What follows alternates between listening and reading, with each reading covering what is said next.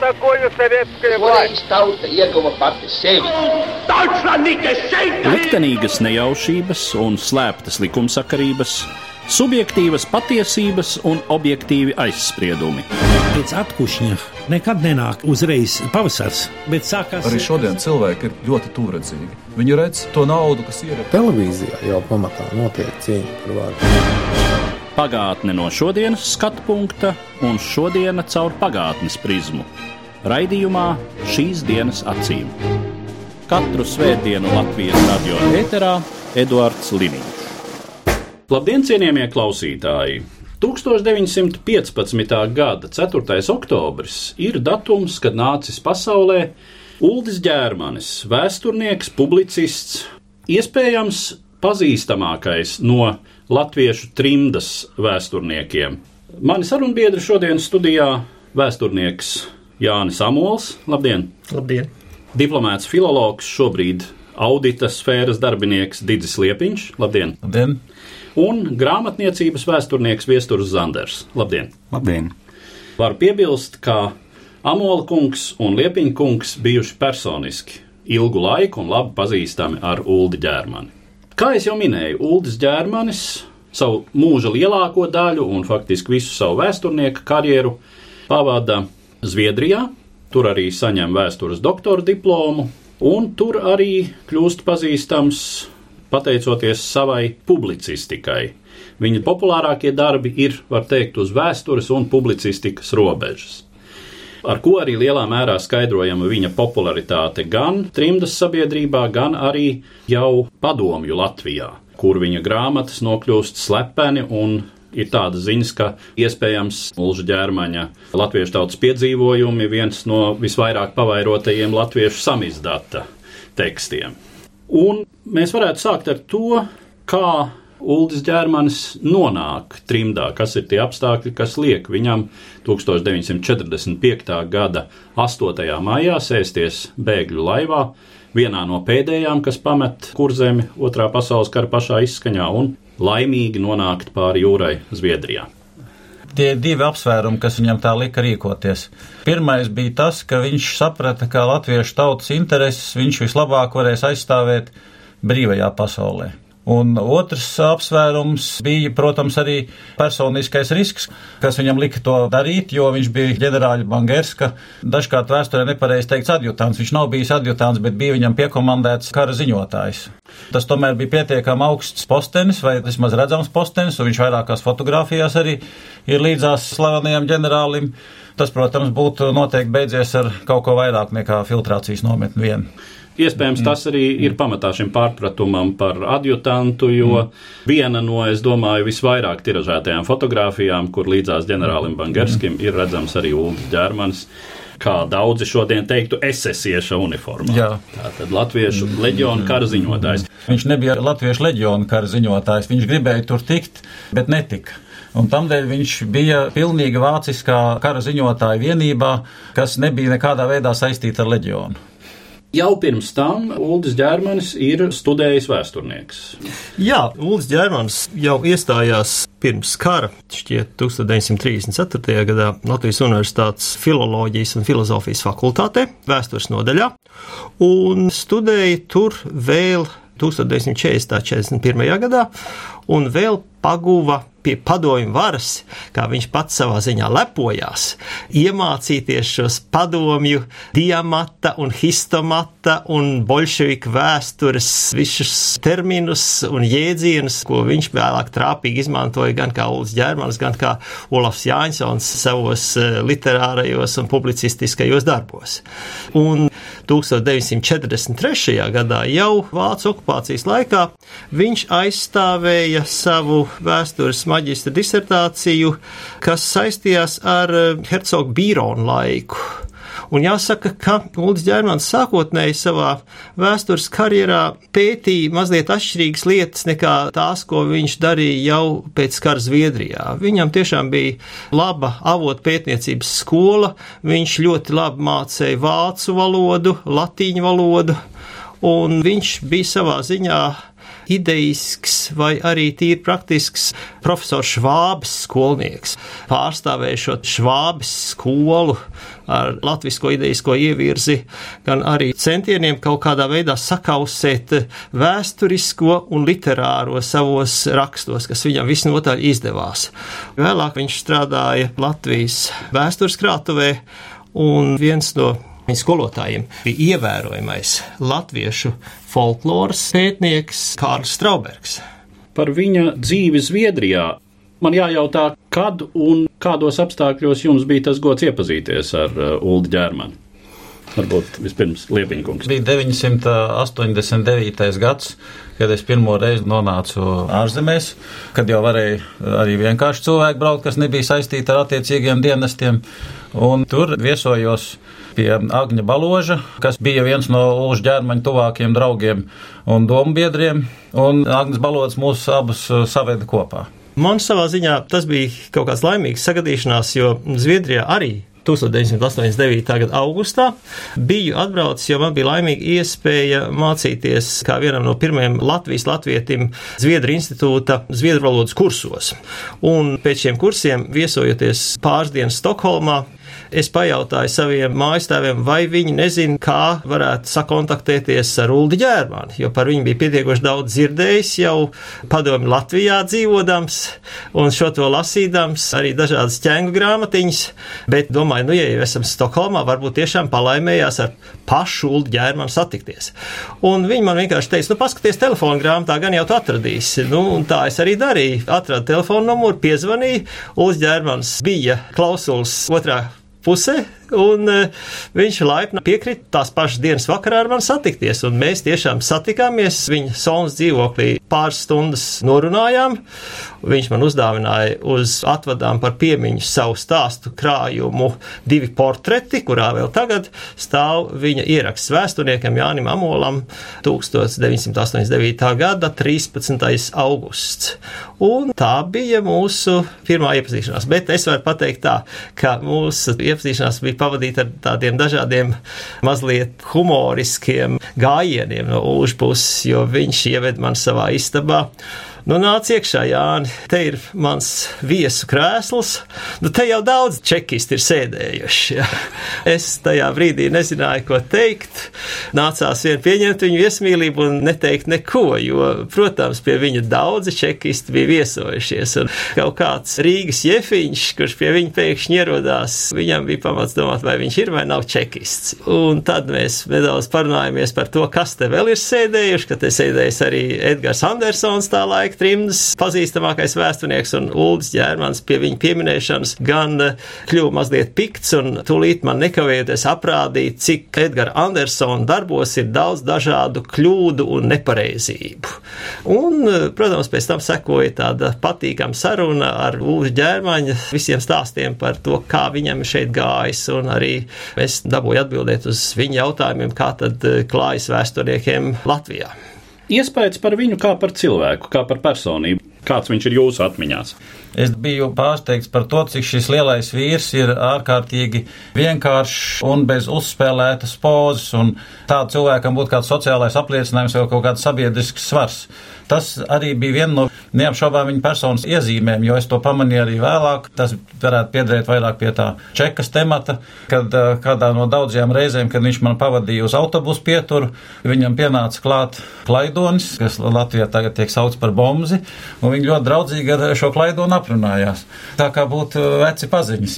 Izrādās, klaidonis viņam arī zinām mērā pakalpojis bija savā laikā, kad dērnim bija brīdinājums par piespriestu tādu kā nāves sodu gandrīz Latvijā, ko viņam Lešīnskis aizved kā brīdinājumu. Jā, viņam bieži vien pašapziņa bija neapšaubām liela un pamatota, un tā tiešām dažkārt varbūt arī vienu otru varēja kaitināt. Bet tas neizpaudās nekādā ziņā pret mani un netraucēja.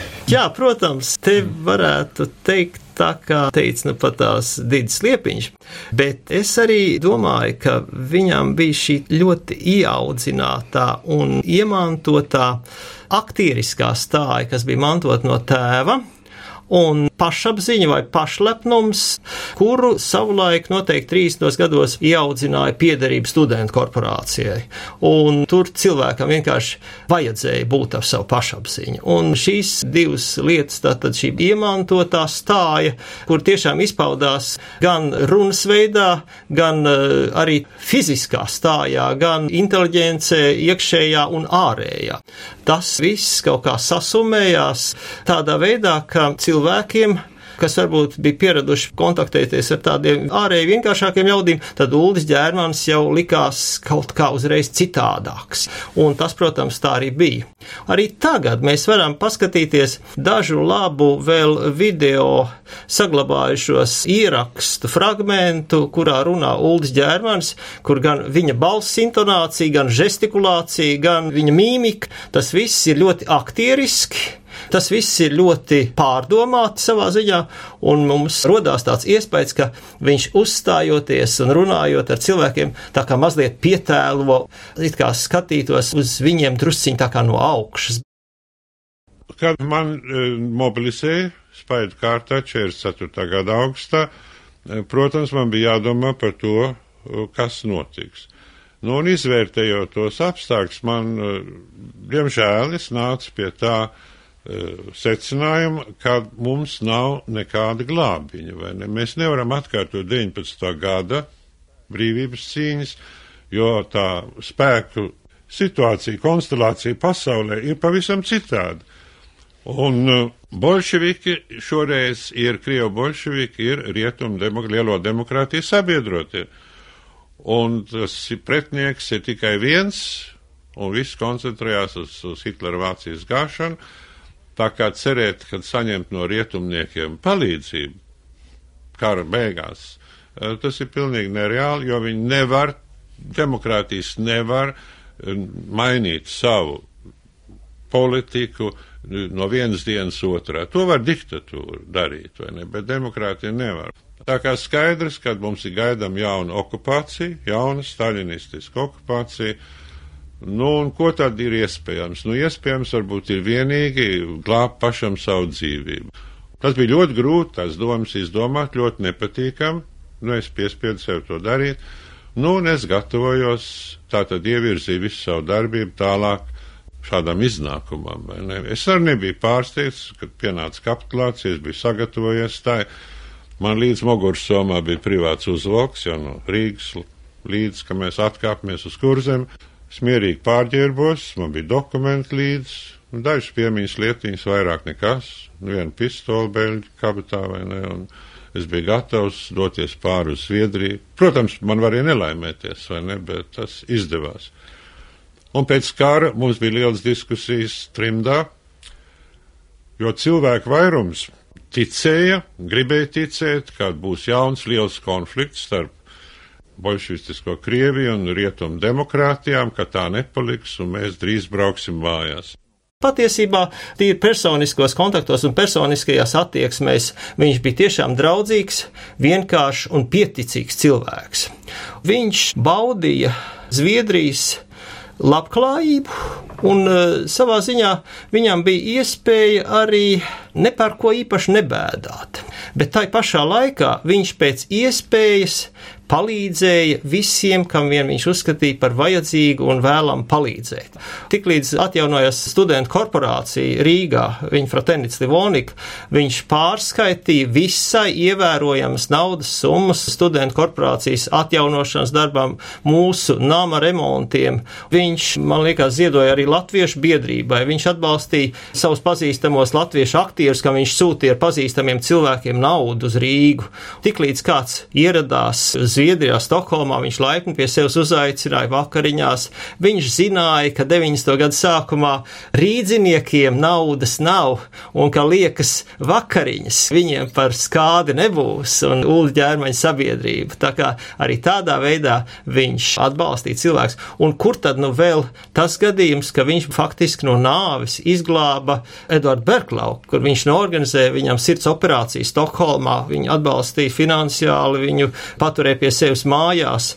Atcaucoties uz Liepiņa kunga sacīto nu pat lielais vīrs, atgādināsim mūsu klausītājiem, Kas tad bija tie akadēmiskie sasniegumi Ulža ģermaņa karjerā, kas bija iespējami pēc tam, kad viņš kā faktiski visi latvieši, kas nonāca otrā pasaules kara beigās, rietumos bija spiests kādu laiku darīt visvienkāršākos darbus, jo viņa Latvijas diplomi netika automātiski konvertēti. Kā veidojās Ulža ģermaņa vēsturnieka karjera? Zandarkungs. 974. gadā tika publicēta ģermaņa disertācija par pulkvedi Jukumu Vācieti, bet ceļš līdz tai bija gana ilgs, un es gribētu vairāk parunāt par divām 50. gadu publikācijām latviešu valodā, kas ģērmeņa vārdu padarīja vairāk pazīstam trījus sabiedrībā, pat vēl vairāk varētu teikt, viena no šīm grāmatām ar nosaukumu Paizpatinātām pēdām izcēla tik lielu rezonanci, kādu iespējams no vēsturē veltītām publikācijām iemantoja tikai vēlāk 70. gados Donsdorfa grāmata par Kārlu Lumanu. Jo šī 56. gadā Stokholmas apgādā Daugava publicētā grāmata ir vēl 20. gada sākumā Krievijā publicētā vācieša grāmatas Latviešu strānieku vēsturiskā nozīme pārpublikācija ar ģermeņa komentāriem, un šī grāmata no dažādu nacionālu noskaņotu militāru personu, un ne tikai to puses, izpelnījās diezgan tādu rezervētu un atsevišķos gadījumos pat stipri kritisku attieksmi. Jo gan pulkvedis Aleksandrs Plensners, gan arī pulkvedis Arvīds Krīpens, kas dzīvoja Austrālijā, uzskatīja sīvi kritizēdam pat vairākos avīšu turpinājumos šīs grāmatas iznākšanu, ka tas ir trojas zirgs trimdenieku vidū un ka tagad nav īstais brīdis, kad Ungārijā 56. gadā atcerēsimies sacaušanās ar, ar tās asņēnu apspiešanu, gāž nost Staļina pieminekli, mēs kaut kā pazeminam un degradējam kalpaku vai briedi un ceļam viņu prāt, nepamatot augstās vietās sarkanos strelniekus, bet tā bija Lūža ģermeņa tāda gluži principiāla pieeja, ko viņš ir vairāk kārt paudzis gan publikācijās, gan arī vēstulēs, ko es gribētu atzīmēt jau ilgāku laiku. Mēs ievērojamā klāstā varam viņa personāla fondā, misiju bibliotekā pētīt, un kas mums ļauj vēl skaidrāk un precīzāk viņa personību, viņa veikumu iezīmēt. 50. gadi ir tas laiks, kad no vienas puses tas pats apgāzts Daugo nāk klajā uzsākt sēriju monogrāfijas par Latvijas vēstures dažādiem laikmetiem, arī jau pieminētā Švābas grāmata par 19. gadsimta Latvijas vēsturi. Bet tie, kā viņi paši smējās savā starpā vēsturnieki, ir mamutu sējumi, kuri varbūt tiešām ļoti reprezentatīvi iedarās trimdnieku grāmatu plauktā, bet nu nebija jau vienmēr tiek cītīgi lasīt no vāka līdz vākam. Un tad ir jautājums, vai nav jādomā par to jauno trimdas latviešu, jaunās paudzes interesēšanu Un tāpēc top otra grāmata, Latvijas tautas piedzīvojums šeit jau pieminētā, kas ir vairākas reizes trimdā izdot un atkārtot arī uh, Latvijā, kas ir tulkot arī lietuviešu un angļu valodās. Un ko pats ģermanis ir uzskatījis par savu vienu no vissūrākā darbā tapušajām grāmatām. To bija pasūtinājis ģermanim 50. gada vidū izdevējs Miķels Gopers, Zelta Ābels izdevējs. Un tikai pēc tam, kad jau bija parādījusies Jukuma vāciešu atmiņu publikācija un sacēlus tādas zināmas negācijas. Tas lika pārvērtēt iespēju pašam izdevējam no vienas puses un ģermenim kā autoram no otras puses iet uz kaut kādiem kompromisiem, un tādēļ arī šī grāmata Latvijas tautas piedzīvojuma savu pirmpublikāciju piedzīvoja 59. gadā apgādā Daugava. Kaut arī vairākos turpinājumos diezgan plaši fragmenti tika publicēti jau pirms tam Kanādā iznākušajā laikrakstā Jaunā gaita, kas šogad arī svin savu 60 gadu pastāvēšanu. Ja mēs raksturojam Uldi ģērmani kā vēsturnieku un kā publicistu, trimdas vēsturiskās literatūras historiografijas kontekstā, jo te jau iezīmējās mazliet tas, ka šī vide nebūtu nebija ļoti monolīta, un tur arī bija vairāki strāvojumi, nacionālāk noskaņoti, varbūt liberālāk noskaņoti. Zviedrijā tā nu bija sanācis, ka vide bija varbūt vairāk ietekmēta no pirmskara Latvijas sociāldemokrātu klātbūtnes, Savienotajās valstīs, Austrālijā. Iespējams, šī vide bija vismaz tās pirmajā paudzē, nu, teiksim, tā daugauvanadziskāka, no kā arī izriet varbūt attieksme pret Uldi ģērmani. Kā mēs viņa vietu un pozīciju šai spektrā varam raksturot? Jūs jau gluži precīzi iezīmējāt šo atšķirību, kas raksturo trījus sabiedrību kopumā un vēsturniekus tai skaitā. Un tomēr gribētos teikt, ka visas šīs arī kritiskās publikācijas, pat apsūdzības, nereti absurdas, tomēr varēja pastāvēt, un publiskā telpā tas izskanēja. Un pat ja kaut kā saķērās viens vai otrs personības attiecības vienā brīdī, tas jau nenozīmē, ka tas ir uz mūžiem, un ja laikraksts laiks, redaktors Kārlis Rabāts atturējās publicēt kādu ģērmaņa pašaizstāvības rakstu 57. gadā pēc Plensnera publikācijām, tas nenozīmē, ka vēlāk 60. 70. gados apgādā grāmatu draugs neiznāca ģērmaņa vai nu ceļojumu grāmatas, saistīts gan ar Rīgas apciemojumu 66. gadā, gan vēlāk Amerikā un Austrālijā. Zila stikla zaļa ledi, tā lieta pati nekritīs, un vēlāk dokumentālais romāns arī pakāpies turnī. Es varētu piebilst, ka, protams, Uldim ģērmanim iezīmējas tādas divas pamatlīnijas viņa akadēmiska tipa vēsturiskos pētījumos. Un pirmā pamatlīnija, kas noteikti ir šī latviešu strēlnieku un latviešu strēlnieku vēsturiskā nozīme, kur, protams, šajā gadā, kas arī tiek uzskatīts par latviešu strēlnieku simtgadus gadu, es domāju, ka mūsu vēsturniekiem vajadzētu mazliet pārcilāt uzģērmaņu devumu šajā jomā. Un otra lieta, ka Ulds Ģermans pētīja latviešu neatkarības idejas attīstību. To, kā Latvijas sabiedrībā, Latvijas inteliģencē, Latvijas tā laika presē 20. gadsimta sākumā pakāpeniski attīstījās doma par Latvijas valstisko neatkarību. Pētījumi, kas ir apkopot vēlāk jau viņa grāmatā, tādā rakstkrājumā ceļā uz Latviju. Latviešu tautas piedzīvojumi, kura ir tāds literāra un vēsturnieka darba sakausējums. Bet, kad es ar Uldi runāju par šo grāmatu, viņš teica, Jāni, es varu atbildēt par katru vārdu, ko es esmu šajā grāmatā rakstījis. Tā kā tādā ziņā arī šis šķietam neakadēmiskais, populārais vēstures pārskats latviešu tautas piedzīvojumu, protams, ir ļoti rūpīgi izvērtēts no faktu un faktoloģiskā vēstures avotu viedokļa. Vispirms par ģērmaņa sabiedrisko darbību varbūt kopumā varētu teikt, ka viņa vadmotīvs bija latviešu trimdas galvenais politiskais uzdevums ir būt par latviešu apspiestās tautas balsi brīvajā pasaulē. Un šis politiskais uzdevums izpaudās arī viņa vēsturnieka darbā.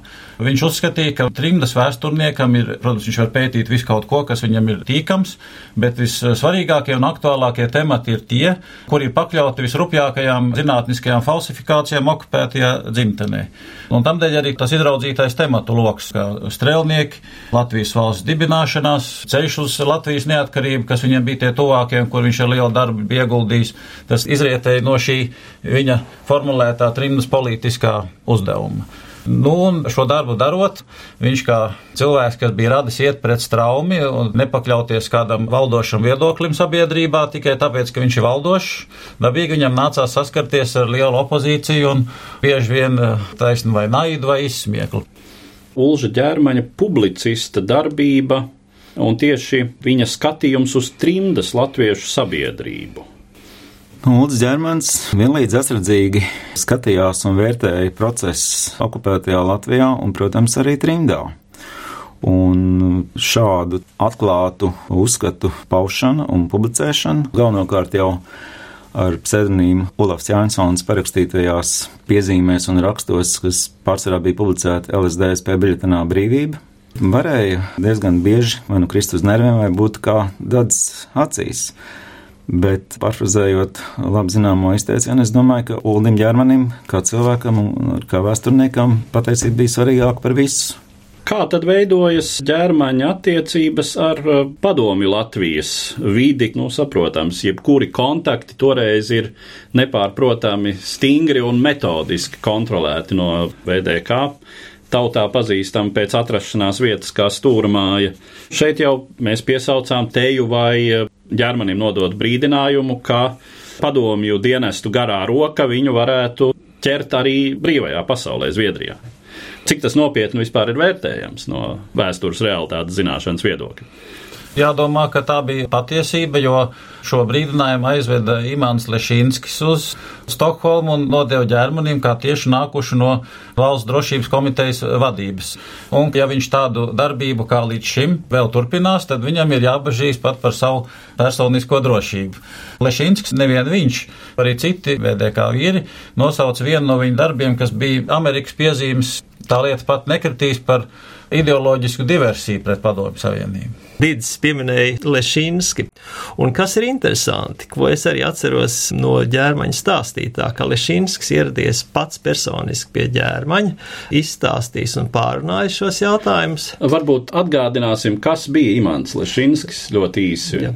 Imants Lešinskis bija viens no tiem cilvēkiem, kas Latvijā vadīja tā saucamo sakaru darbību ar tautiešiem svešumā. Un viņš bija tajā laikā kultūras sakaru biedrības, ko ģērmans sauc par kultkomu priekšsēdētājs.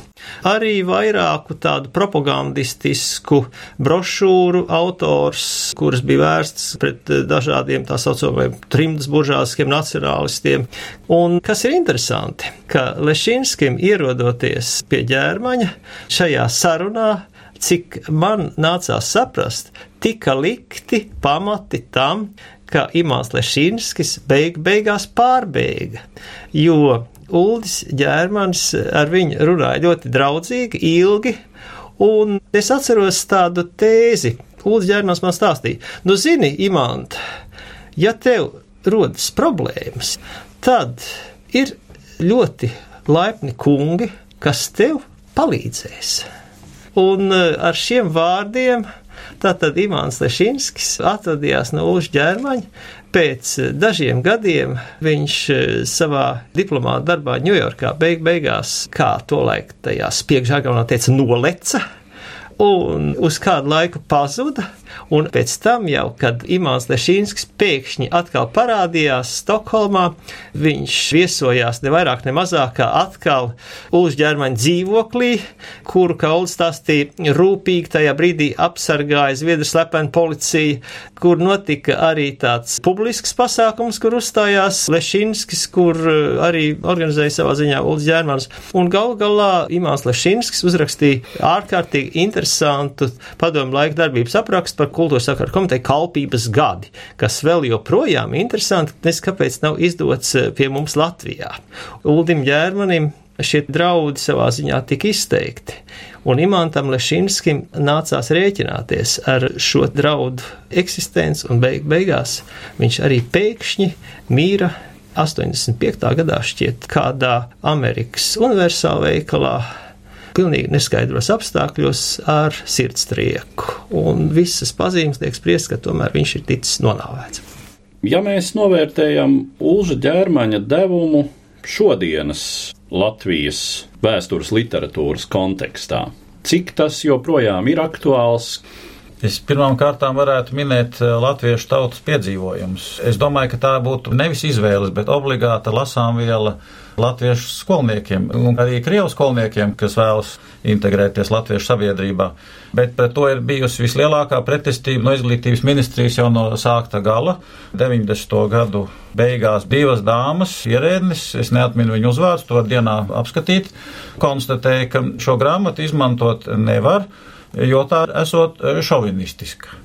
Varbūt šim darbam trūks tāda metodiskā aparāta, kas vajadzētu būt tādam mācību līdzeklim, bet katrā ziņā tas ir no katras skolas, katra vēstures skolotāja atkarīgs, ko viņš var ieteikt saviem skolniekiem lasīt papildus.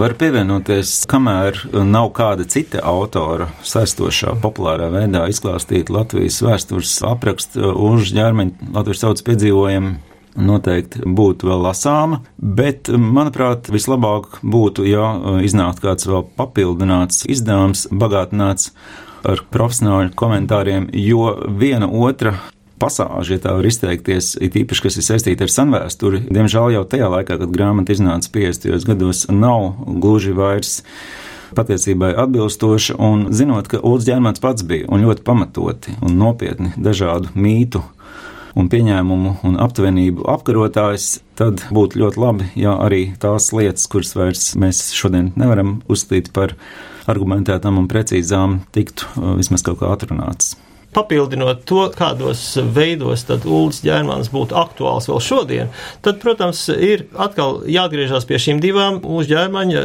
pētītajām tēmām. Pirmām kārtām latviešu strēlnieki, kas saistās ar pilnīgi aktuālu šodienas atceres laiku, Un otrām kārtām, ja mēs visi gatavojamies idejiski vai arī praktiski Latvijas valsts simtgadēji, tad šī Ulda ģermaņa pētītā latviešu neatkarības idejas attīstība, protams, arī ļoti labi iekļaujas šajās tēmās, kā mēs esam nonākuši pie Latvijas neatkarības. Līdz ar to mēs arī noslēdzam mūsu šodienas sarunu, kas bija veltīta šodienas 4. oktobra jubilāram, vēsturniekam un publicistam Uldim Ģērmanim, un es saku paldies maniem sarunbiedriem Jānim Amolam, Didzim Liepiņam un Viesturam Zanderam. Paldies! Katru svētdienu Latvijas radio viens par pagātni sarunājas Eduards Līniņš.